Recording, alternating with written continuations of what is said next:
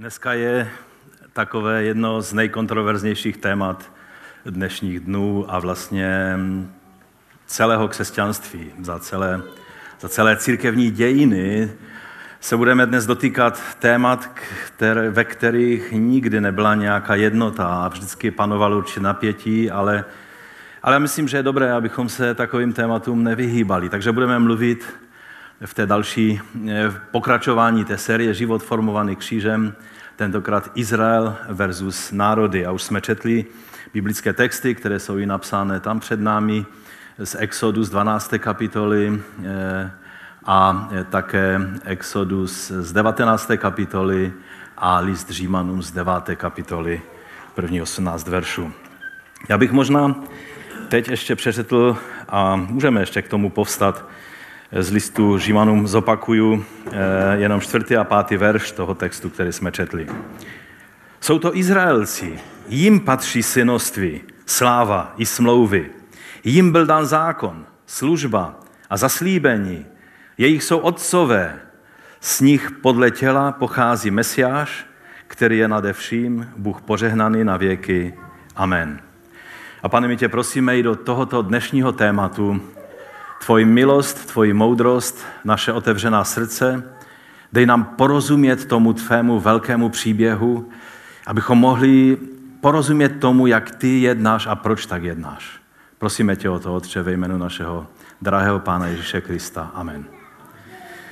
Amen. Můžete se posadit a když jsme minule, vlastně před minule, eh, minule eh, tady byl bratr Petr minister a myslím, že to slovo bylo skvělé a také šlo v té linii vlastně té, této série, kterou máme ze Starého zákona, ale ono to není ze Starého zákona, ono se to silně dotýká i novozákonní zvěsti.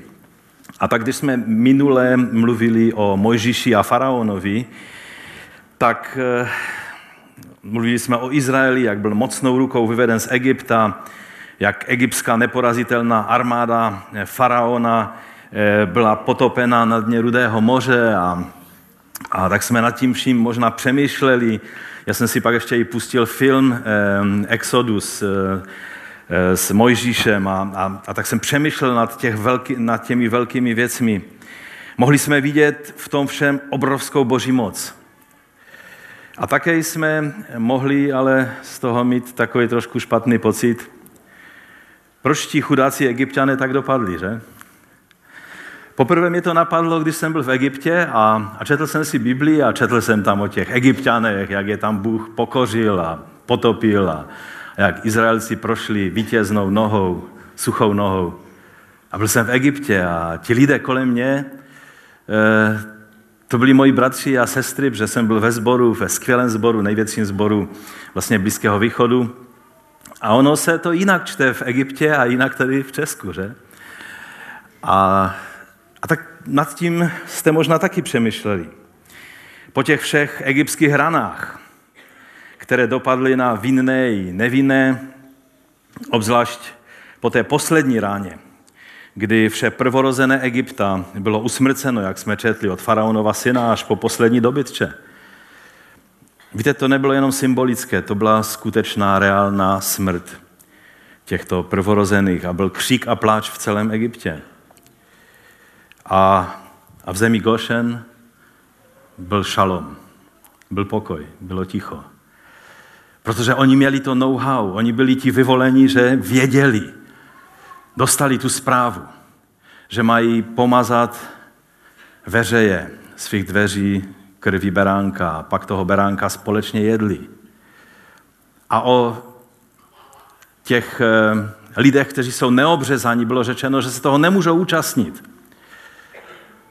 A tak ehm, možná jste si kladli otázku, co pak nebyla jiná cesta? Co pak to muselo jít takovouto cestou? Byla jiná cesta? Ano, byla. Ale dosti nepředstavitelná. Faraon by musel uznat, že Bůh se rozhodnul jednat skrze Mojžíše a prostě se tomu poddat a přijmout to. Pro jednotlivce ještě byla další možnost obřezat se, tím vlastně obřízka znamenala vejítí do smlouvy s Bohem. Proto neobřezaní nemohli na to mít podíl, ale uznat, že hospodin je Bohem, obřezat se na to znamení, všichni mužští e, účastníci rodiny, a přidat se do Gošenu k Izraelcům ke slavení hodu beránka. Ono to konec konců se odhaduje, že docela velký zástup otroků a lidí z Egypta vyšel s Izraelem z Egypta toho dne 15. Nisanu roku 1446 před naším letopočtem. Dokonce v písmu o tom čteme ve 12. kapitole Exodu. Synové Izraele vyrazili z Ramesesu do Sukotu a v počtu kolem 600 tisíc pěších mužů, kromě žen a dětí, takže jich bylo e, asi na miliony a ne na tisíce. Vyšlo s nimi také množství přimíšeného lidu, bráv a skot a veliké množství dobytka. Možná to tak jenom přeskočíme, množství přimíšeného lidu, ale to byla spousta lidí, kteří využili té možnosti, protože pochopili, že Bůh je s Izraelem, tak se k ním přidali a vyšli s nimi. Zdá se vám to jako bizarní představa? Možná ano, ale to jen proto, že se málo kdy díváme na ten obraz celistvě tam, v těch širokých souvislostech. Zaměřujeme se na detaily. Většinou nám jde jenom o spasení jednotlivců, eh, v čem si navíc představujeme jen to, že člověk nepůjde do pekla, ale do nebe. A takhle úzkým způsobem o těch věcech přemýšlíme. Mě zaujalo, když jsem četl eh, Ježíšovo vyjádření, že Nazývám vás přáteli, už nejste jenom otroci, protože otrok ten jenom udělá ten daný úkol, nevidí žádné souvislosti, udělá, co mu bylo přikázáno a vůbec neví proč a jak. Ale jste mi přátelé a proto jsem vám předal všechno, co jsem přijal od Otce. Vám jsem předal celé ty široké souvislosti, protože jste mi přátelé, řekl Ježíš. A já věřím, že tenhle zbor si zaslouží vědět širší souvislosti a nejenom ty úzké věci oddělené od sebe a nevidět ten celistvý obraz. A tak mi dovolte, abych dnes trošku se na ten celistvý obraz podíval. No ale za účelem toho se budeme muset vrátit až k Abrahamovi a ujasnit si něco velmi důležitého ohledně božího způsobu jednání. Takže pojďme, tak trošku se vrátíme v, tom naš, v té naší sérii k tomu příběhu eh, a podívejme se na vlastně tři věci, které Abrahamovi byly zaslíbené. Čteme o tom ve, eh, v Genezi ve 12. kapitole, první tři verše. Hospodin Bůh řekl Abrahamovi, odejdi ze své země, ze svého příbuzenstva, ze svého otcovského domu do země, kterou ti ukážu. Učiním z tebe veliký národ a požehnám ti. A zjednám ti veliké jméno a budeš požehnáním. Požehnám těm, kdo ti žehnají a toho, kdo ti zlože či proklejí. Všechny rodiny země dojdou požehnání v tobě. Víte, často v dnešních dnech slyšíme od mnohých křesťanů, že starý zákon je jenom součást historie, ehm, netýká se nás přímo, ehm, byl plně nahrazen novým zákonem. A je sice pravda, že Mojžíšův zákon byl podmíněný a dočasný a byl nahrazen lepší smlouvou, věčnou smlouvou. Ale nikde to stejné není řečeno o jiných smlouvách, protože Mojžíšova smlouva není ta jediná, kterou Bůh uzavřel s Abrahamem a s jeho rodem a s člověkem obecně. Nikde to není řečeno o jiných smlouvách, zejména o abrahamické smlouvě a také o davidovské smlouvě, že se z jeho eh, domu, že povstane Mesiáš a bude sedět na Davidově trůně. O těchto smlouvách nikde není řečeno, že byly omezené časově nebo ně, něčím podmíněné. E, ty smlouvy platily jak ve starém zákoně, tak platí i pro nás v novozákonní době. Hlavně to je z toho důvodu, že e, když, se, když si všimnete, tak ta smlouva s Abrahamem e, byla trvalá a nebyla ničím podmíněna. Pamatujete, jak Abraham, když, když Bůh se rozhodl vstoupit do smlouvy s Abrahamem, tak podle tehdejších zvyků vždycky eh, přiš, pře, prošli oba partneři té uzavírané smlouvy. Eh, takhle se to dělo tehdy v Sumeru, v Babylonu a, a v celé té oblasti, že se rozpulili zvířata, položili se na dvě strany a ti dva účastníci té smlouvy prošli mezi těmi zvířaty a tím řekli, ať se mi stane, jako se stalo těm zvířatům, pokud nedodržím tuto smlouvu. A tehdy přišla mrakota na Abrahama a on usnul. A najednou uviděl zvláštní věc. Přišla kouřící pec, která jakoby obrovský oheň, který dymil. A pak je tam napsáno, že přišlo jako pochodeň, která prošla mezi těmi zvířaty. Jakoby, jakoby tam byly dvě věci, které se zjevily. Jakoby otec a syn prošli, přišli a uzavřeli smlouvu. A tu smlouvu oni se zaručili, že oni dodrží a že to nezávisí na tom, jaký bude Abraham, ale závisí to na věrnosti toho, kdo eh, to zaručil svým životem a taky pak potvrdil svou smrtí.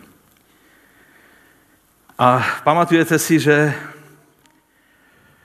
že vlastně Abraham dělal spoustu chyb, ale to nic nezměnilo na jeho eh, vyvolení a na, na zaslíbení, které obdržel. Dokonce nám v Novém zákoně je jasně ukázáno, že evangelium je postaveno právě na základě této smlouvy a boží věrnosti vůči ní. Když bychom četli v listu Galackým, tak je to tam jasně napsáno. Třetí kapitola. Zaslíbení dané Abrahamovi a jeho semení, písmo tu říká v množném čísle a se, e, neříká v množném čísle a semenům, ale v jednotném tvému semení, čímž je míněn Kristus. Chci tím říci toto. Zákon zavedený po 430 letech nemůže zrušit smlouvu předtím schválenou Bohem a odvolat tak zaslíbení. Vyplývali dědictví ze zákona, nevyplývá už ze zaslíbení. Abrahama však Bůh obdaroval skrze zaslíbení. Zaslíbení je věčné a Mojžišová smlouva nebo Sinajská smlouva byla ohraničena a mnohými podmínkami také podmíněna. Co bylo Abrahamovi zaslíbeno? Byly zaslíbeny tři věci. Za prvé mu byla zaslíbena země. Je to velice důležité si uvědomit, protože mnozí lidé dneska mluví, že vlastně nikdy nešlo o zemi a že je to velice přízemní se bavit o nějakých kilometrech čtverečných a o nějakém území, ale Abrahamovi bylo doslovně zaslíbeno území, země. Sedmý verš. Tehdy se Abrahamovi ukázal hospodin a řekl, tuto zem dám tvému semeni. Abraham tam proto postavil oltář hospodiny, jen se mu ukázal. Za druhé bylo mu zaslíbeno potomstvo, že vzejde národ z jeho potomstva, veliký národ. A to je druhý verš té 12. kapitoly. Učiním z tebe veliký národ a požehnám ti. A třetí věc, byly mu zaslíbeny národy, všechny ostatní národy. E, třetí verš, všechny rodiny země dojdou požehnání v tobě. Čili eh, skrze něj a jeho potomstvo to požehnání nemělo být sobecky zachováno jenom pro ně, ale mělo se dostat všem rodinám země. A v listu Galackým, eh, který jsem už citoval, tak eh, Pavel tam říká v 8. verši toto. Písmo předvídalo, že Bůh ospravedlní pohany na základě víry a dopředu oznámilo Abrahamovi, v tobě budou požehnány všechny národy. Pak tam je ještě jedna věc, na kterou eh, ho Bůh upozorňuje a, a naznačuje eh, velice takovou nepříjemnou věc, že kolem těchto zaslíbení bude vždy plno kontroverzí a tlaků a proto Bůh bude hlídat postoj, všimněte si toho, Bůh bude hlídat postoj těch, kteří, kteří k těm nositelům zaslíbení smlouvy, po, kteří přijdou po Abrahamovi, eh, jaký budou k ním mít vztah. Ti, kteří budou žehnat, on bude žehnat. Ti, kteří nebudou žehnat, ale budou dělat opak, tak Bůh také bude jednat opačně. Když se zamyslíme nad tím, jestli Abraham vstoupil do těch zaslíbení, jestli, jestli se naplnili v životě Abrahama, tak víme, že ne. Víme, že eh, ani Abraham, ani mnozí další mužové a ženy, kteří chodili vírou Ehm, v dějinách Izraele, tak vždy viděli jenom částečné naplnění, ale to plné naplnění očekávali, tak jak to ehm, písatel v listu Židům eh, píše o hrdinech víry v 11. kapitole. Ti všichni zemřeli podle víry, aniž v plnosti přijali ta zaslíbení, jen zdaleka je zahlédli, na horizontu je zahlédli a pozdravili. Co to mohlo znamenat, že to pozdravili? Víte, co pro mě to znamená, co, jak si to vysvětluju a myslím, že nejsem sám? Že oni řekli, jednoho dne tam budeme. Jednoho dne se tam sejdeme na tom horizontu. Budeme toho účastní, že Bůh je věrný ve svých zaslíbeních. A vyznali, že jsou cizinci a příchozí na zemi. Tady to všechno je dočasné, ale přijde den, kdy ta zaslíbení se naplní a na to se těšili a pozdravili to z dálky. A dále potom v 39. verši eh, ten písatel listu Hebrej, Hebr, Židům píše, a tito všichni, ačkoliv se jim dostalo svědectví skrze víru, neodnesli si zaslíbení, protože Bůh pro nás zamýšlel něco lepšího, nechtěl, aby dosáhli dokonalosti bez nás. Bůh chtěl, ať, ať i my, ještě, aby oni počkali na nás. A pak, když budou všichni zhromáždění, tak společně dosáhneme toho zaslíbení.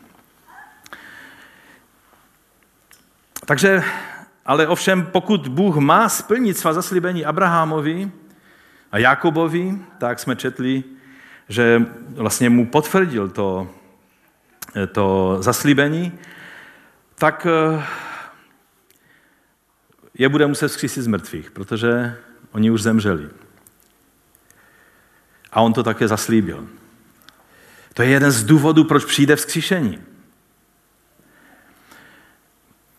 Pan Ježíš řekl jednou v takové debatě, že eh, když mluvil Abrahamovi, Izákovi, Jakobovi, že Bůh není Bohem mrtvých, že On je Bohem živých. A proto, když zmiňuje tyto muže, tak oni jsou ve fázi očekávání, vzkříšení a naplnění těch zaslíbení, která jim byla dána.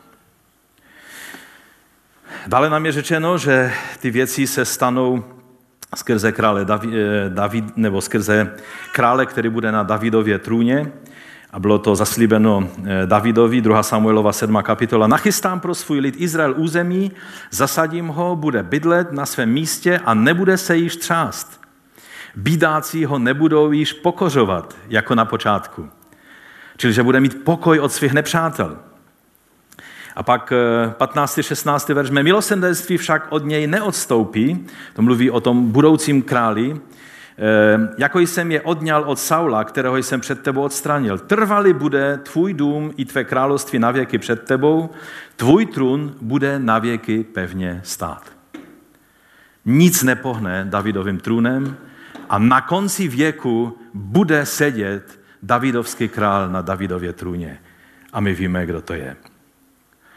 A když se teda podíváme do Nového zákona, tak Nový zákon, kterým veršem začíná? Víte, ví ho někdo z paměti? Kterým veršem začíná Nový zákon?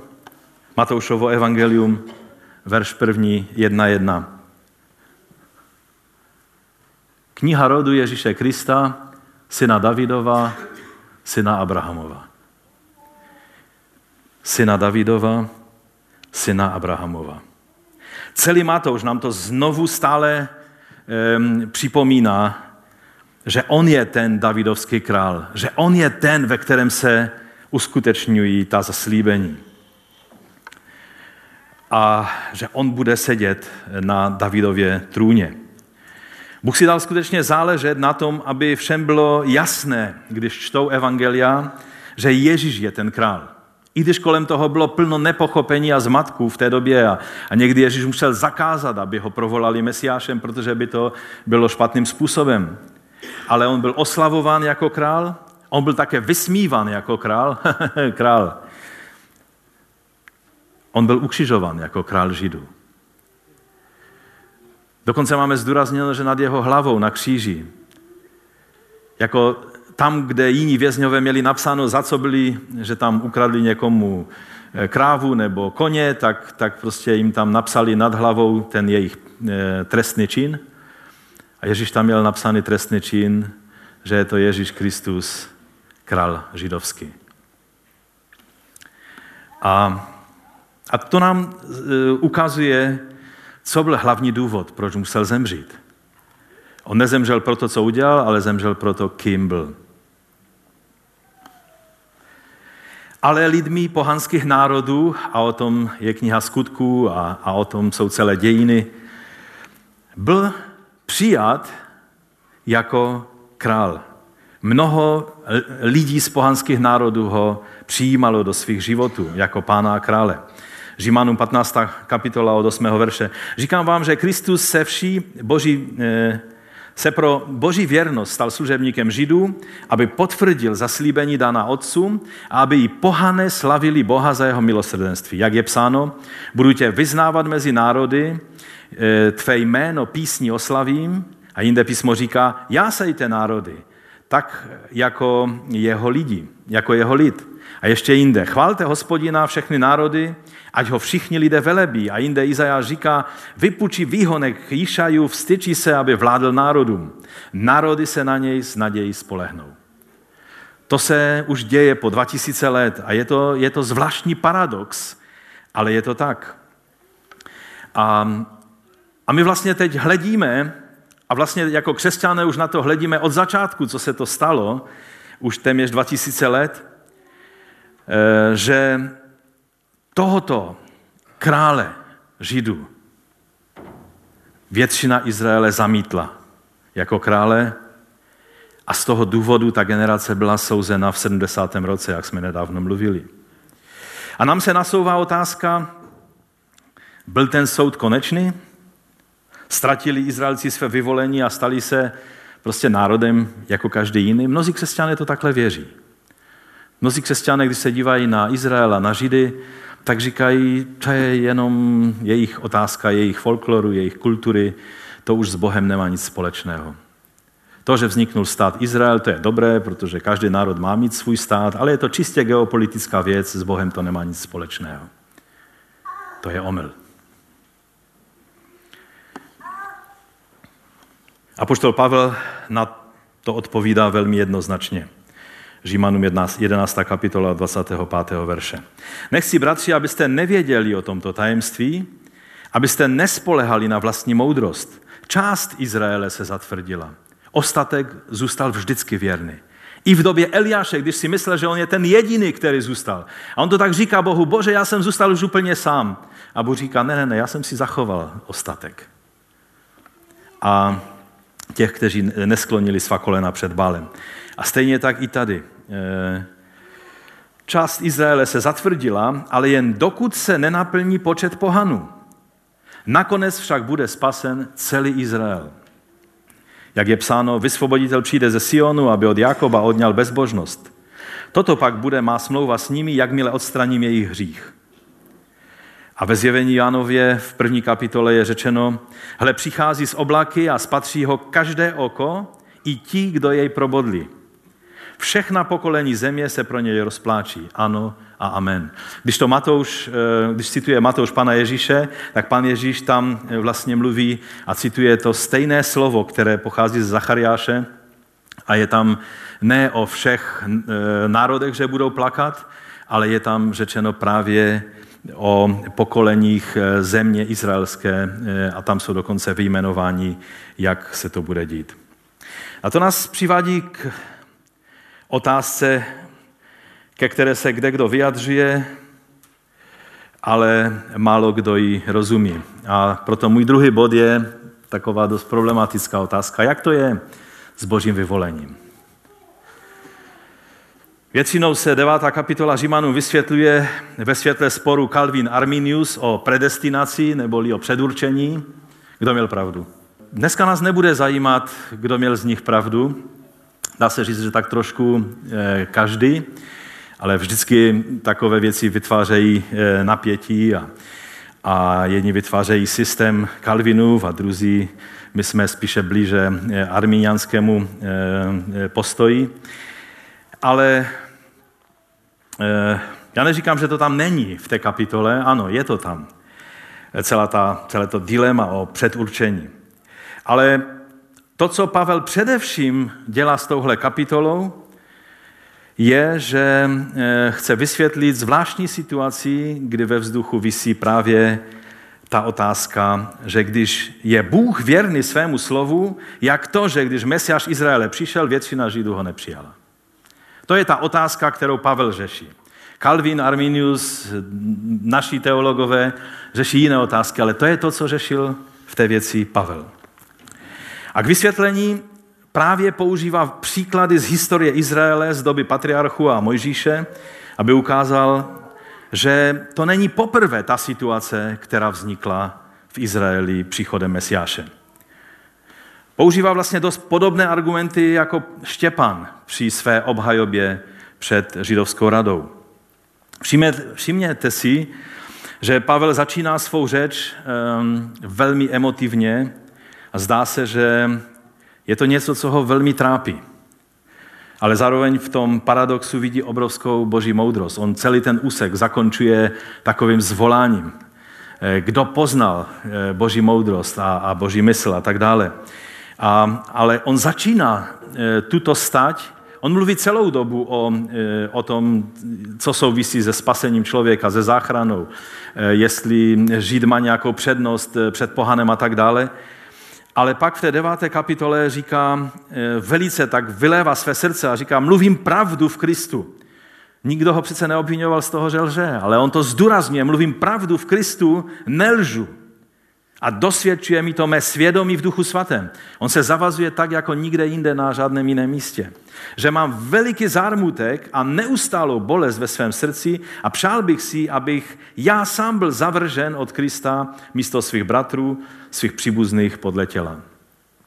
Pavel se zde staví do stejné řady s Mojžíšem, který také chtěl dát svoji duši za, za Izrael. A také se samotným pánem Ježíšem, který se stal prokletím aby sněl z nás prokletí a vlastně tak trochu je dodnes u většiny Židů proklet. A on to podstoupil kvůli tomu, abychom i my měli účast na těch zaslíbeních. A pak nám Pavel dává několik příkladů z onoho velkého příběhu patriarchu Izraele. První příklad dává z toho napětí Izák versus Ismael. Už jsme o tom mluvili a já to jenom teď dneska zhrnu. Eh, když mluví, že ne, že by Boží slovo selhalo, neboť ne všichni ti, kteří pocházejí z Izraele, jsou Izrael, ani ne proto, že jsou potomstvem Abrahamovým, jsou všichni jeho dětmi, nebrž v Izákovi bude tobě povoláno símě. To jest, božími dětmi nejsou děti těla, nebrž za potomky se považují děti zaslíbení. Zaslíbení, kterým bylo toto slovo. V tomto čase přijdu a Sara bude mít syna.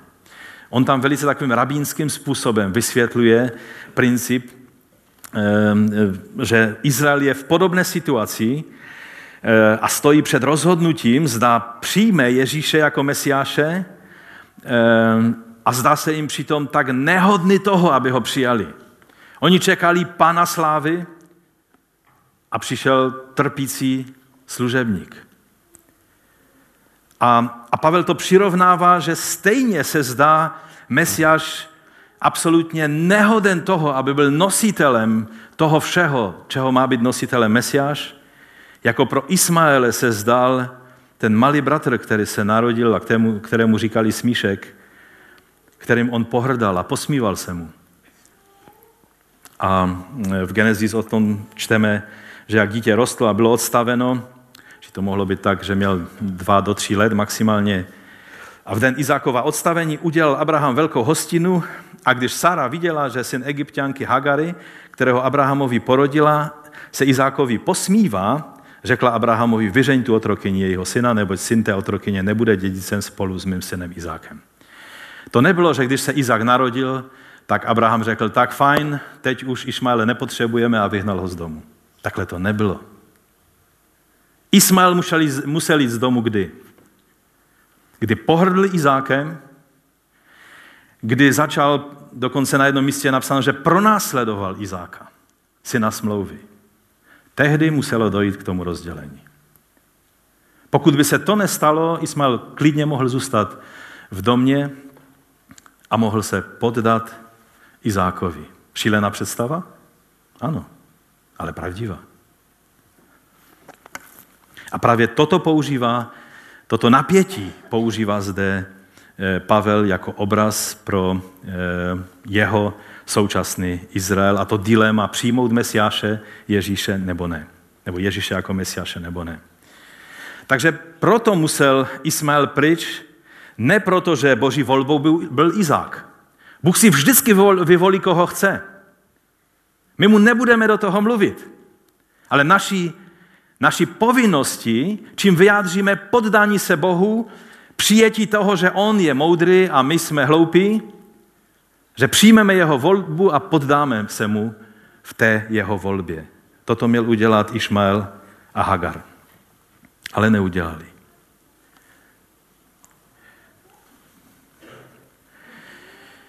Velmi dobře to napsal Samuel Whitfield ve své knize One King, jinak vám tu knihu velice doporučuju. Eh, on je eh, vedoucím Mezinárodního eh, modlitevního domu v Kansas City a také, myslím, je ředitelem jejich biblické školy. A on říká toto. Musíme si uvědomit, že když národy vyjadřují svou nevraživost vůči Židům, ve skutečnosti odmítají Boží volbu. Ismael byl testovan v otázce Boží volby. Izrael byl testován v otázce Boží volby. Bůh ovšem bude zkoušet i národy v otázce vyvolení. Když přijde test Boží volby, máme tendenci podívat se na toho, koho si Bůh vyvolil přirozenýma očima a říct, jistě to nemůže být on, protože Bůh nevybírá jednotlivce pro jeho účely tak, jak to dělá člověk. Myslím, že má velkou pravdu. Je to vidět i v tom dalším příběhu, který Pavel tady dává za příklad, a to je Jakob a Ezau, nebo jak my jsme si to pojmenovali, Jakob versus Ezau. A to je pokračování desátý verš. A to není vše. Z téhož muže, našeho otce Izáka, počala Rebeka dva syny. Ještě se nenarodili a neudělali nic dobrého ani zlého. Dítě, které se nenarodí, nemůže udělat nic dobrého ani zlého. O to strašnější je to, že taková děťátka už jsou vražděna po tisících, po milionech. Ještě neudělali nic dobrého ani zlého, aby se však boží rozhodnutí opíralo o co? O vyvolení, nešlo totiž o skutky, ale o toho, který povolává, bylo i řečeno, starší bude sloužit mladšímu. Jak je psáno, Jakoba jsem si zamiloval, Ezava jsem však zavrhl. Jestli bylo vyvolení Izáka nad Ismaelem kontroverzní, oč více bylo vyvolení Jakoba nad Ezavem, že? Tam aspoň šlo o to, že Izák byl skutečným synem pravým z manželky Sáry, ale tady oba byli z manželky Rebeky. Oba byli pravovití synové a Ezau byl prvorozený syn. Čili jemu měla patřit všechna práva. A Bůh si vyvolil Jakoba. Oni byli dvojčata ze stejných rodičů. A Bůh si vyvolil Jakoba a ne Ezau, aby byl nositelem zaslíbení vykoupení. Navíc byl Jakob, řekněme si to otevřeně, už jsme o tom mluvili, byl to člověk cnostný, dost dlouho mu to trvalo, než se dobral k nějakým cnotám. Byl to člověk dosti převráceného charakteru, že? Nebo minimálně problematického charakteru. Jsou takoví lidé i v křesťanských církvích? Lidé s problematickým charakterem? Já vám musím říct, že kdyby nebyli a neměli možnost být, tak by církev byla hodně štíhla.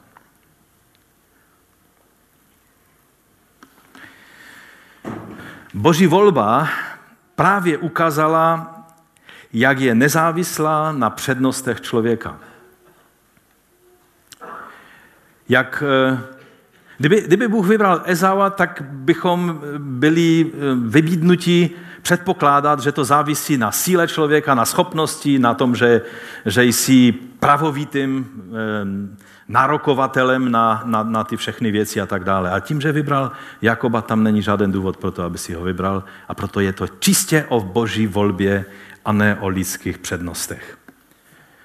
Jakobovi bylo a to se vám možná, možná zajídá, když čtete, že najednou ten Jakob, který tam napáchal ty věci vůči svému bratru, otci, otce podvedl, s matkou um, Marčinu slab, slabost k němu využil takovým způsobem, že to všechno zamíchal, pak utíkal ze svého domu a najednou čteme, že se setkává s Bohem. 28. kapitola Genesis. Jakob odešel z Beršeby, a vydal se k Haranu. Dorazil na jedno místo a zůstal tam přes noc, neboť slunce už zapadlo. Vzal na to místě jeden z kamenů, položil si ho pod hlavu a ulehl, ulehl tam ke spánku. A ve snu pak spatřil žebřík sahající od země k nebi a hle vystupovali a sestupovali po něm boží anděle. Prosím vás, neberte to jako návod, jak získat eh, zjevení od Boha, jo? že si dáte kámen pod hlavu a to nedělejte, to, to nebyl ten důvod, proč on prožil to, co prožil, ale to, co prožil, bylo, že jakoby Bůh neviděl to, co Jakob udělal. A s tím frackovitým Jakobem najednou se setkává Bůh a poslouchejte, co mu říká. V tom nad ním stanul hospodin a řekl, já jsem hospodin, Bůh tvého otce Abrahama, Bůh Izákův. Zemí, na níž ležím, dám tobě a tvému semení. Tobě, Jakobe, ano, já vím, kým jsi, nemusíš mi to vykládat. Tvého semene bude jako prachu země a rozmůžeš se na západ i na východ, na sever i na jih. Nad to v tobě a ve tvém semení dojdou požehnání všechny rodiny země. To zaslíbil tomu, kdo zrovna podvedl svého bratra. Hle, já jsem s tebou. Budu tě chránit kamkoliv půjdeš a znovu tě přivedu na, do této země. Ale teď poslouchejte větu, kterou Jakob si měl pořádně zapamatovat. Neopustím tě, dokud nevykonám, co jsem ti řekl. Ono to zní jako takové zaslíbení, ale v tom je i celá biblická škola, kterou Jakob prošel ve svém životě. Já od tebe neodstoupím dřív, než udělám všecko to, co je třeba s tebou udělat.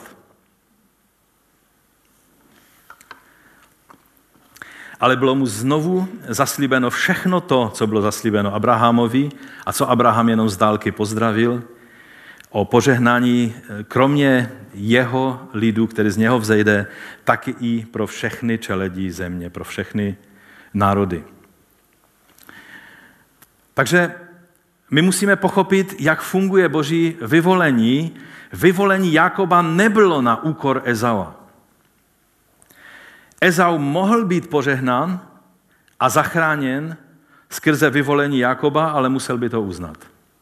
Je pravda, že Jakob mu to hodně stížil. Stejně jako my často svým životem stěžujeme lidem, aby mohli poznat Krista. Jakob to svému bratru stížil, ale to nic nemění na faktu, že jediná cesta, jak Ezau mohl vstoupit do všech požehnání zaslíbení Abrahamova, bylo, že se poddá Jakobovi. Starší bude sloužit mladšímu. To bylo prorokováno. A to se mělo co? Prostě přijmout. Proč by lidé máme takový problém přijmout to, co řekne Bůh? Když řekl, že starší bude sloužit mladšímu, asi Bůh je moudřejší a ví, proč to udělal a proto se tomu poddám, že? Velila by moudrost. Ale lidé nemají rádi moudrost. Lidé, lidé raději jednají pošetile a pak říkají, aha, kdybych to věděl. Ale to je možné vědět. Akorát, že lidé podle toho nežijou. A my jim to často stěžujeme, jako Jakub stěžoval tu věc svému bratru Ezaovi. Pak čteme u proroku, že Edom, čili potomci Ezaua, pohrdali Izraelem a činili mu příkoří. A jak zareagoval Bůh? Prorok Malachiáš mluví, jak tvrdě soudí, bude soudit Edom, proto, že oni se radují z toho, co se stalo Izraeli a myslí si, že to už je s Izraelem konec.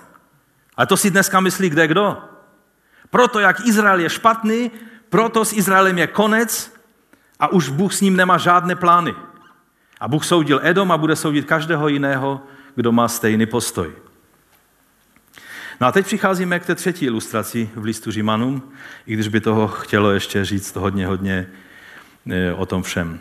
Mojžíš a faraon, nebo Mojžíš versus faraon. Mluvili jsme minule o tom.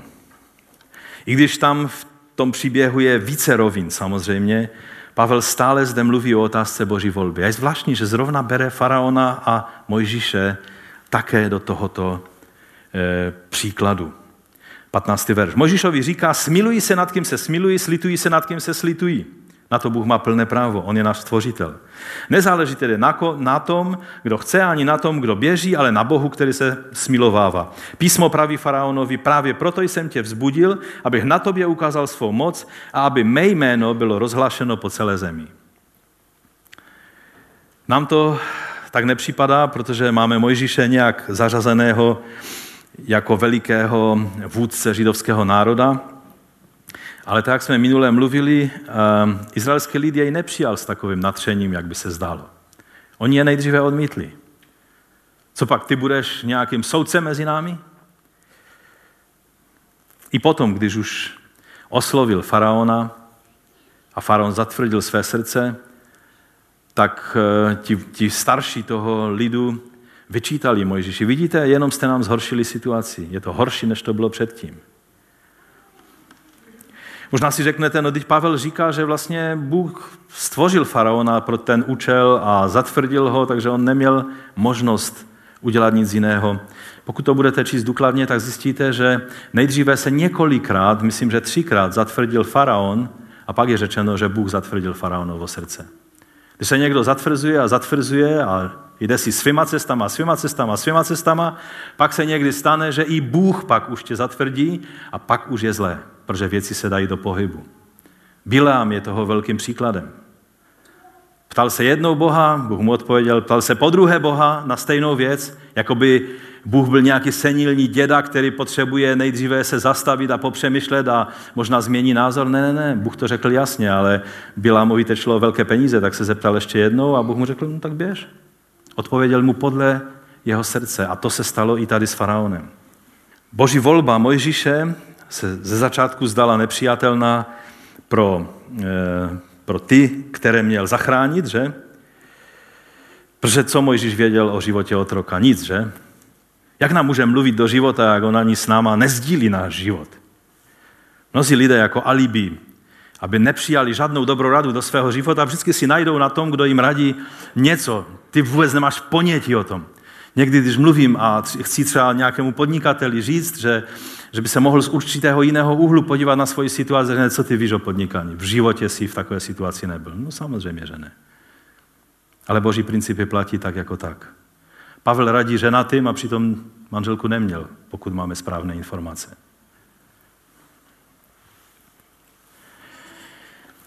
Ale problém byl i na druhé straně. Mojžíš byl problematický i pro faraona, protože kým byl Mojžíš?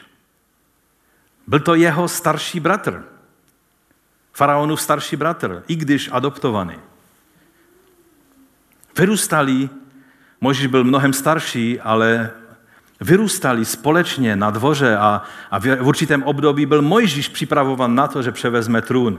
Pokud, eh, pokud je to tak, jak jsem vám minule říkal, že to byla eh, dcera faraona Hatřepsut, která ho připravovala svého adoptovaného syna, jak víme z egyptských dějin, eh, pro trůn, ale pak se to zvrtlo a pak přišel ten mladoučký faraon na trůn a najednou ten Mojžíš přichází a začíná dávat výzvy faraonovi. A faraon si říkal s těmi svými mindráky vůči svému staršímu bratrovi, já jsem tady od toho, že budu poroučet. Já jsem se narodil do faraonovy rodiny podle těla. Nebyl jsem adoptovan z nějaké kdo ví jaké rodiny. No ale boží volba byla jasná. Poroučet zde bude Mojžíš. Protože on je boží volbou. Tohle je to, co Pavel tady ukazuje. Bůh se prostě rozhodnul, že poroučet téhle situaci bude Mojžíš. No a faraon mohl udělat dvě věci, zatvrdit se, anebo to přijmout a akceptovat. Ale ten svět běží vždycky tak, že lidé tu boží volbu nechtějí přijmout. Když byl Mojžíš poslan do Egypta, měl oznámit faraonovi jednu zvláštní věc. Nevím, jestli jste si toho všimli, ale ve čtvrté kapitole Exodu je napsáno, řekneš faraonovi, toto praví hospodin. Izrael je můj prvorozený syn. Izrael je můj prvorozený syn. Takovým způsobem se Bůh díval na Izraele. Toho, kteří měli problém přijmout Mojžíše. Ozeáš, prorok, k tomu říká podobným způsobem toto. Když byl Izrael mládencem, zamiloval jsem si ho a z Egypta jsem povolal svého syna. My to slovo spíše známe z Matouše, když to Matouš cituje o pánu Ježíši v souvislosti s jeho útěkem před Herodem do Egypta, že? E, to slovo je často používané židovskými rabiny, když jsou v debatě s křesťany, tak eh, většinou připomenou tento verš. Vždyť se podívejte, to vaše první evangelium, které napsal nějaký Matouš, ten neměl vůbec ponětí, o čem mluví. On cituje slovo, které platilo na Izraele, že Izrael je můj, je můj prvorozený syn, z Egypta jsem povolal svého syna a, a, vy to vstav, a Matouš to vztahuje na toho vašeho Ježíše. Matouš nevěděl, o čem mluví a vy nikdo nevíte, nevíte o čem mluví. Tím chtějí zdiskreditovat Matoušové evangelium. Ovšem Matouš přesně věděl, co mluví. A je v tom obrovská hluboká pravda. A Židé, kteří toto pochopí a, A já znám takové Židy, je to fascinující s nimi diskutovat, kteří znají ty rabinské uvažování a pak najednou uvidí Mesiáše. A najednou si uvědomí, teď Mesiáš je tím koncentrovaným Izraelem. V jeho osobě je soustředěn celý Izrael. Kdyby všichni odpadli, tak on je ten věrný Izrael. Rozumíte? A proto z Egypta jsem povolal svého syna, protože Ježíš, Mesiáš, je Izrael. Od momentu, kdy přišel na tento svět, se Izrael počítá ve vztahu k Ježíši Kristu, protože on je ten Izrael povolán z Egypta.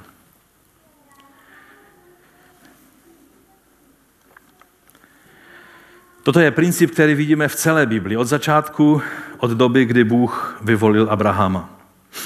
A tak nám Pavel na příkladu Izáka, Ismaele, Jakoba, Ezau a Mojžíše Faraona ukázal princip, ale i výzvu, která je součástí božího vyvolení.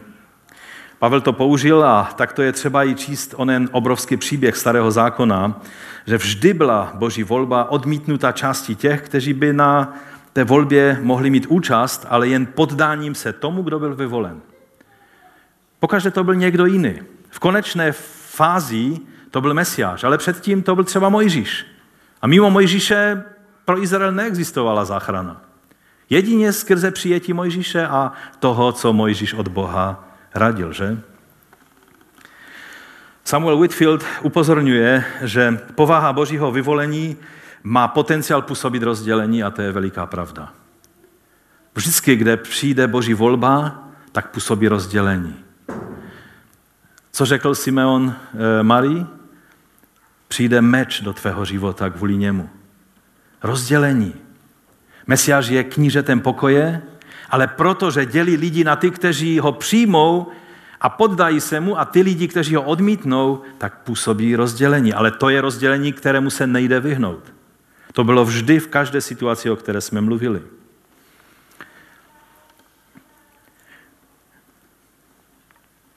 Vždycky, když přišel nový Bohem ustanovený, eh, vyvolený nositel zaslíbení, tak to rozdělení vznikalo. Byl dán Abraham, od té chvíle bylo třeba se poddat Abrahamovi. Když jsme mluvili o Abrahamovi a Lotovi, tam bylo mnoho logiky v tom, co Lot dělal, že?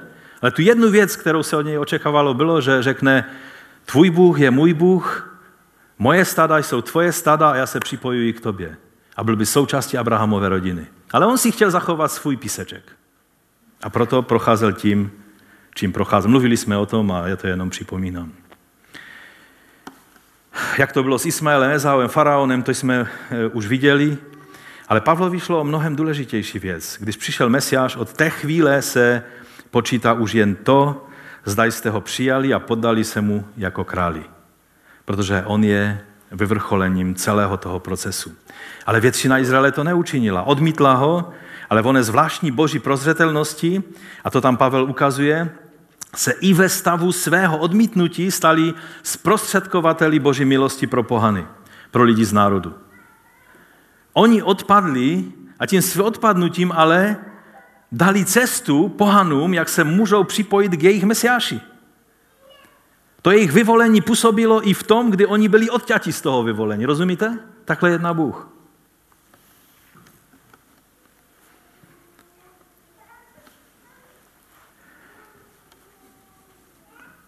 To nám ukazuje, že se lze oddělit od božího lidu, který je vždy tam, kde je dán Bohem daný prostředník, ale to neznamená ztrátu svého vyvolení.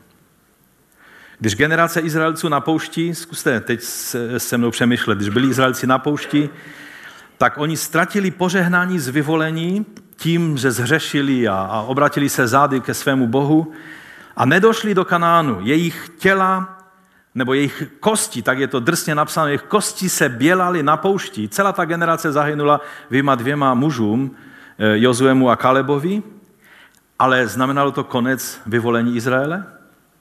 Znamenalo to konec těch lidí. Ale Izrael dále pokračoval a vstoupil do Kanánu.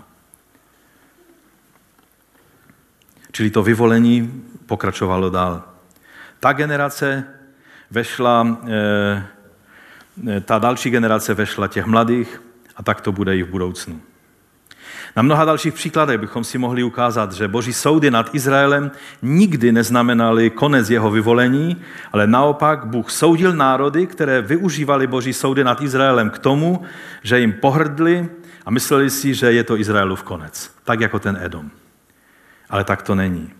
Stejná tendence žel je i u církve a my jenom tím rozeznáváme vliv světa na církev. Stále jde o to tež. Přijmout Bohem daného prostředníka smlouvy. Tentokrát už to není vyvolený Bohem vůdce nebo král, nyní se králem stává v Kristu sám Bůh, jak to mělo být od začátku. Když eh, lidé volali po králi, Bůh jim dal krále a řekl Samuelovi, ne, oni, oni nezamítli tebe, oni zamítli mě jako svého krále, který jsem nad nima. A proto si vybrali krále. Ale přijde den, a bylo zaslíbeno Davidovi, že přijde den, kdy zase to bude Bůh, který bude králem. Bůh i člověk v jedné osobě v Kristu se stal králem. A tak to bude na konci věku v plné kráse. Jaký je rozdíl mezi Mojžíšem a panem Ježíšem? Eh, písmo nám ukazuje, že takový, jak mezi domem a jeho stavitelem. Je rozdíl mezi domem a stavitelem domu? Dost podstatný, že? Jeden je ten, kdo to vymyslel a, a zrealizoval, a druhý je produktem. My jsme stvořením a on je stvořitelem. On je stavitelem, my jsme domem. Ehm, Židům list 3.3 říká, on si ovšem zaslouží větší slavu než Mojžíš, tak jako má větší čest stavitel než sám dům. A proto v Kristu, v Mesiáši se Bůh zase ujal vlády jako král. A lidé z národu museli od té doby udělat jen jednu věc. Přijmout toho židovského krále a poddat se mu a podřídit mu svůj život, i když jej jako vlastní většinou nepřijali. A stalo se to takovým zvláštním paradoxem, protože kdyby ho Židé přijali jako svého mesiáše, národy by se od nich odvrátili. Ale tím, že ho odmítli, to povzbudilo národy si ho vzít. Takhle to, takhle to v lidech je. A ta dynamika, kterou Bůh použil, tak přivedla mnohé, na, mnohé lidi z mnohých národů k Bohu. A tím se všichni stáváme novým stvořením, jsme vštípeni do té olivy Boží volby. Tak, jak to Pavel říká v 17. verši 11. kapitoly Římanů. Jestliže však některé větve byly vylomeny a ty plana oliva jsi byl naroubovan na jejich místo a stal se s účastníkem kořené i tučnosti olivy, nevynášej se nad ty větve. Jestliže se vynášíš, nezapomeň, že ty neneseš kořeň, nebrž kořen tebe. Víte, my nerozhodujeme o tom, jestli Židé ještě mají nějaký význam nebo ne. My jenom musíme pochopit, že my jsme naroubovaní do toho izraelského kořene. V té olivě, v izraelském mesiáši jsme si všichni rovní, ale to neznamená, že tím jsou zatřeny všechny rozdíly a to vše, tak říká Pavel v listu Galackém 3. kapitole, již není žít ani řek. No tak vlastně jsme něco takového uní rasa, že? Již není otrok ani svobodný, to se nám líbí, že už nejsou otroci, ale že jsou všichni lidé svobodní. Již není muž ani žena, či nějaký unisex, asi ne, že? My všichni jsme jedno v Kristu Ježíši. A jestliže jste Kristovi, jste símě Abrahamova a dědicové podle zaslíbení.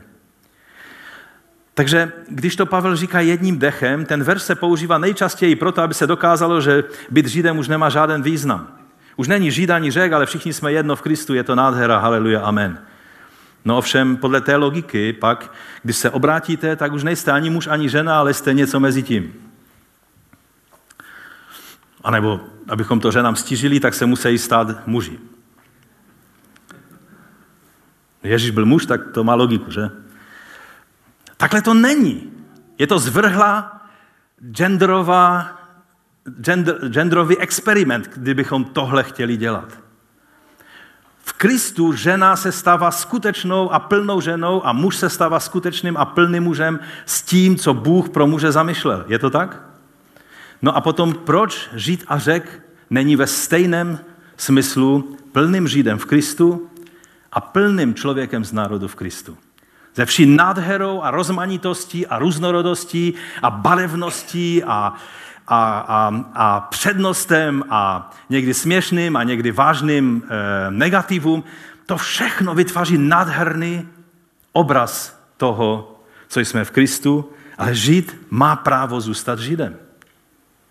Víte, kdysi Židé debatovali o tom, jestli člověk z národů se musí stát Židem, aby měl účast na jejich mesiáši, to je 15. kapitola skutku, a dnes se pozastavují křesťané, křesťané nad tím, když se Žid, když Žid přijme Krista, tak čekají, no kdy konečně hodíš ty tefilin a, a kdy, kdy se oholíš tady ty pejzy a, a kdy se slušně oblečeš a nejenom do toho cylindru černého a, a začneš být normální člověk.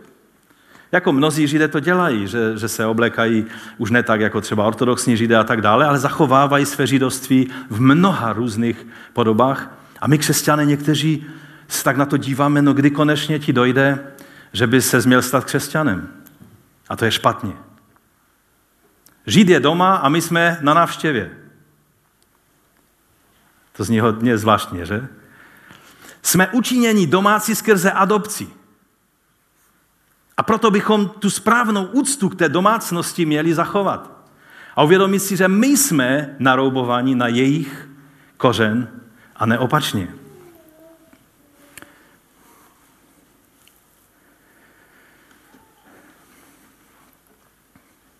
Takže přesněji řečeno, to je to, co jsem teďka vlastně říkal, že my jsme vštípeni do té izraelské olivy a, a je, to, je to přesně tak, eh, jak je to řečeno, že Židé eh, jsou v té olivě, protože je to jejich oliva, pokud se postavili na stranu Mesiáše, pak v té olivě jenom zůstávají. Ale my jsme jako ta plana oliva byli naroubovaní, protože jsme nebyli božím lidem. To říká Pavel velice jasně. Byli jsme jako ty divoké ratolesti, ale jsme vštípeni do té olivy v Mesiáši, který to umožnil. Nemusíme se stát židem. Mnozí lidé, mnozí křesťané mají pocit, že by se měli stát eh, nějak, nějakým eh, prostě požidovštěným křesťanem, ale, ale to právě je nepochopení tohohle principu.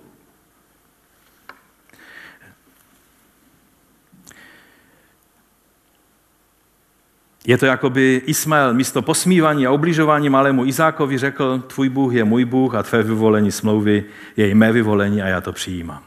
A poddal by se Izákovi a respektoval by Boží volbu, která byla skrze Izáka. Stal by se součástí Božího lidu.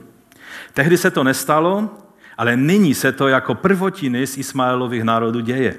A děje se to na každý den. A v dnešní době žije minimálně 100 milionů eh, bývalých muslimů, kteří jsou nadšenými vyznavači Ježíše Krista. A přijde den, kdy pevnost islámu padne a kdy eh, se synové a dcery Išmaele připojí ke Kristu. A tím vlastně řeknou, ano, teď vidíme, že Bůh si vybral Ismaele a na nás je to jednoduché, abychom se k tomu připojili. Takže, abych to zhrnul, nejde o to, abychom se chovali židovsky, nosili tefilin, třásně, modlitevní šály, to nechme židům a můžeme jim v tom fandit, ale můžeme být hrdí na to, že jsme součástí onoho ostatku ze všech národů, který je připojen k Izraeli v Mesiáši, protože před jeho trůnem bude nakonec svatý ostatek z každého národa se vší různorodosti. A teď eh, poslední třetí bod je, jestli mi dáte ještě pár minut, eh, tak, eh, že do Božího království vejde jen ten, kdo Boží volbu přijal. Nejdříve to byla pícha Izraele, která odmítla lidi z národu. Eh, pamatujete, jak Pavel mluvil k, v Jeruzalémě k Židům, když začal mluvit o tom, že pohané přijímají Mesiáše, tak oni do té doby ho poslouchali a pak začali křičet a už ho více nechtěli poslouchat. Byla to picha Izraele, která odmítla lidi z národu, kteří se hrnuli k jejich odmítutému králi a tím spečetili své oddělení se od účasti na Mesiáši, avšak oni tím nestratili své vyvolení. To je důležité pochopit. Pak to zase naopak byla pícha církve, která odmítla své židovské kořeny a já možná pro nedostatek času snad jenom jeden citát od Ignatiosa Antiochijského, který byl téměř současníkem apoštolů. On zemřel v roce 107 a pokud máme správné informace, tak se narodil někde ve 30. letech. A on e, říká ve svém listu magneským e, křesťanům toto. Žije, žijeme-li až dodnes podle židovství, stvrzujeme, že jsme nepřijali milost. Jo? A, a dále potom pokračuje v tom listu, Je nesmyslné mluvit o Ježíši Kristu a řídit se podle židovství. Křesťanství neuvěřilo v židovství, ale židovství v křesťanství. V němž se zhromažďují všichni, kdo uvěřili. Tady to postavil úplně opačně, než to dělá Pavel. Pavel říká, my křesťané jsme připojeni k židům, ale Ignatios už hned v další generaci to otáčí, otáčí opačně a pak to šlo jeden církevní otec za druhým, který ty věci eh, dává tvrději a tvrději eh, najevo a pak za doby Augustina vlastně slyšíme to, že, že vlastně Bůh nechal Židy ještě chodit po zemi, aby každý dobrý křesťan viděl, jak vypadá lid, kterého opustil Bůh. Ale nakonec to bude, na konci věku to bude pícha národů, která odmítne Bohem vyvolený národ i jejich krále, kterého Izrael tentokrát houfně přijme. Když Izrael přijme svého mesiáše, to bude ta poslední kapka do kalichu trpělivosti národu tohoto světa. Protože jestli má svět spadeno na něco, tak je to Izrael v té geopolitické sféře a duchovně na křesťany. A hlavně ty křesťany, kteří mluví o Kristu a snaží se druhým lidem Krista nabídnout. Když se ty dvě věci spojí, ten svět se zblázní a postaví se na hlavu. Rozumíte? Že najednou ty dvě věci, které jim nejvíc vadí, budou v jednom. Církev a Izrael se spojí v jednom mesiáši, najednou tam ten olivovník bude skutečně, skutečně sloučený. A, a to bude znamenat skutečné problémy v očích tohoto světa. Bude to čas, kdy eh, to nebude jednoduché, ale bude to slavné a bude to nádherné a pokud se toho dožijeme, tak to bude nádherná věc. Prvotiny toho můžeme prožívat v našich dnech. A když jsem byl v Izraeli a viděl jsem, jak lidé z národu s mesiamskými židy společně vyznáváme Krista a, a vyznáváme lásku témuž Bohu a, a naklonost jední k druhým, tak, tak to, bylo, to byla předchuť toho, co se stane pak ve velkém. No a tak e, náš úkol, když chcete nějaký úkol si z toho přijmout pro sebe, tak je, abychom skutečně bděli a nestratili se v tom všem. Protože tlak systému tohoto světa bude velice silný přesně tím směrem. Proti těmto věcem, o kterých jsme dnes mluvili. Bude to období velkého svodu a zmatku ve všech směrech, ale také období nádherného spojení Izraele i ostatku ze všech národů, kteří budou společně volat Baru Haba Bšem Adonai. Požehnaný, který přichází ve jménu hospodinově. To je volání Mesiáše, které, o kterém Ježíš řekl, váš dům zůstane pustý až do doby, než řeknete tohle zvolání. Když toto bude říkat Izrael, když toto bude říkat každý ostatek ze všech národů, církví národů, tak to bude eh, čas, kdy Pán Ježíš přijde. Musíme pochopit trvalost Boží volby. Od eh, doby Ignatia, vlastně po celou dobu eh, trvání teologie náhrady, tak se nám zakořenila taková eh, představa v myšlení, že Bůh kvůli hříchu odsoudil Izrael, což se skutečně podle slov Pana Ježíše v 70. roce stalo, o tom jsme mluvili. Eh, tak automaticky se to bere, že to bylo jeho poslední slovo ve věci Izraele. Problém toho přístupu ovšem je v tom, že Bůh nikdy nevybral Izrael kvůli tomu, jaký Izrael byl nebo kvůli jeho schopnostem, spravedlnosti či výkonu. Byla to prostě jeho suverénní volba. Rozumíte? A proto jeho, eh, jak, jak bylo Izraelovo vyvolení ne na základě spravedlnosti, pak i jeho zavržení nemůže být na základě jeho nespravedlnosti. Protože Bůh by nebyl konzistentní v tom svém postoji. I my, když, když jsou takoví eh, izraelofilští romantikové, docela naivní, tak uh, oni mají představu, že Izrael je ve všem úžasný. Samozřejmě, oni mají 150 Nobelovi, nositelů, nositelů Nobelových cen a jiné národy okolní z toho stejného prostředí, tak eh, se jich počítá na, na jedné ruce a to ještě takový jako Arafat a spol za Nobelova cena míru, že a tak dále. Ale, ale já vám chci říct, když si myslíte, že my se modlíme za Izrael a žehnáme Izraeli kvůli toho, jak on je úžasný, tak Michael Brown na to má jednu radu. Běžte do Brooklynu a chvíli žijte mezi Židy a uvidíte, jak složité to bude pro vás.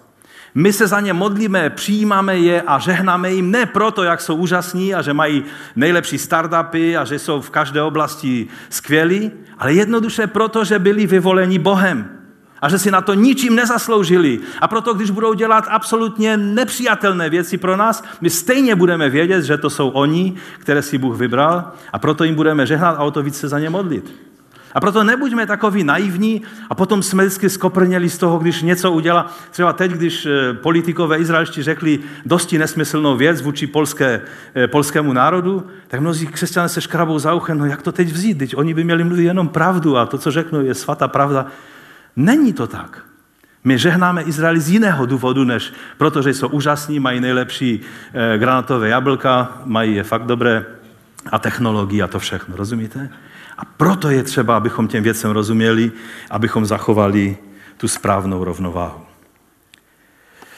Pavel jde tak daleko, že dokonce říká o Izraeli, který nepřijal Mesiáše, že je nepřítelem božího lidu ve věci Evangelia, ale to nic nemění na jejich vyvolení. Římanům 11.28.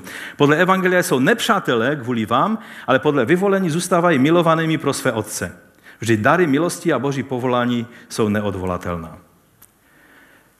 A takhle je to v celém písmu vždy tak, že když Bůh soudil Izrael, ten stejný prorok většinou mluví i zaslíbení obnovy.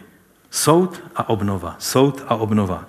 Proto když Bůh soudil Izrael v 70. roce, tu generaci Izraele, která odmítla eh, Mesiáše krále, tak to nemůže být poslední boží výrok nad Izraelem, ale tím posledním slovem bude obnova. Bylo by to velmi zvláštní, kdyby předpovězený soud padl na Izrael a předpovězená obnova, no kdo jí bude, na koho padne? No na nás z národu, že? To je přesně podle toho takového systému teologického, že všechny soudy Izraeli, všechna požehnání nám. Izrael tady bude procházet soužením a my v nebi lchajím budeme popíjet z kalichu božího vína a budeme na svatbě Beránkově. To je zrůdná teologie v, této, jedné věci. Jiné věci té teologie jsou jako v každé teologii. Ale tato představa je velice, velice špatná. Když mluvíš Židovi, že ho miluješ, ale když ty budeš procházet skutečně těžkým obdobím, já budu evakuován a budu na svatbě a budu lchajím popíjet z božího kalichu. Takhle to není. Co říct závěrem? Bůh nakonec prokáže svou věrnost zaslíbením daným Abrahamovi, Jakobovi, Mojžíši i Davidovi. Celý Izrael bude nakonec spasen, bude obyvat svou zemi v pokoji a bezpečí. Všichni jeho uprchlíci se vrátí do své země. Na trůně Davida bude sedět Mesiáš král. Bůh Izraele bude uctíván ostatkem z každého národa. A tak bych uzavřel ještě jedním citátem z knihy Samuela Whitefielda z té knihy One King. Izrael očekával, že pohané uznají jeho velikost, když uvidí jejich boží velikost, když uvidí jejich velikost, velikost jeho lidu. Bůh si však vybral něco úplně jiného. Národy přicházejí ke spasení tím, že uznávají pokoru a utrpení Ježíše. Národy jsou přitahovány k božímu obětování se předtím, než jsou přitahovány ke slávě, která bude k dispozici člověku v božím plánu. Milují izraelského Boha ne proto, že přinesl Izraeli prosperitu, ale proto, že trpěl a zemřel. Tak je to napsáno k Filipským. Povstaňte k modlitbě. Pane, my ti děkujeme za tvoji moudrost, která je nezměřitelná a tvé myšlení je jiné, než je naše myšlení. A tak my tě prosíme, ne abys nějak přijal náš způsob myšlení, ale naopak pomoz nám myslet tvé myšlení. Pomoz nám mít ty tvé myšlenky. Tak jak Pavel říká, že my máme mysl Kristovou. Skrze tvého svatého ducha dej nám tvé myšlení. Když, se, když hledíme na tento svět, když hledíme na tvé úžasné dílo, když hledíme na tvůj lid Izrael, když hledíme na, na církev z národu, pomoz nám, abychom měli tvé myšlení v těchto věcech. A tak se vkládáme do tvých rukou a chválíme tvé jméno. Amen.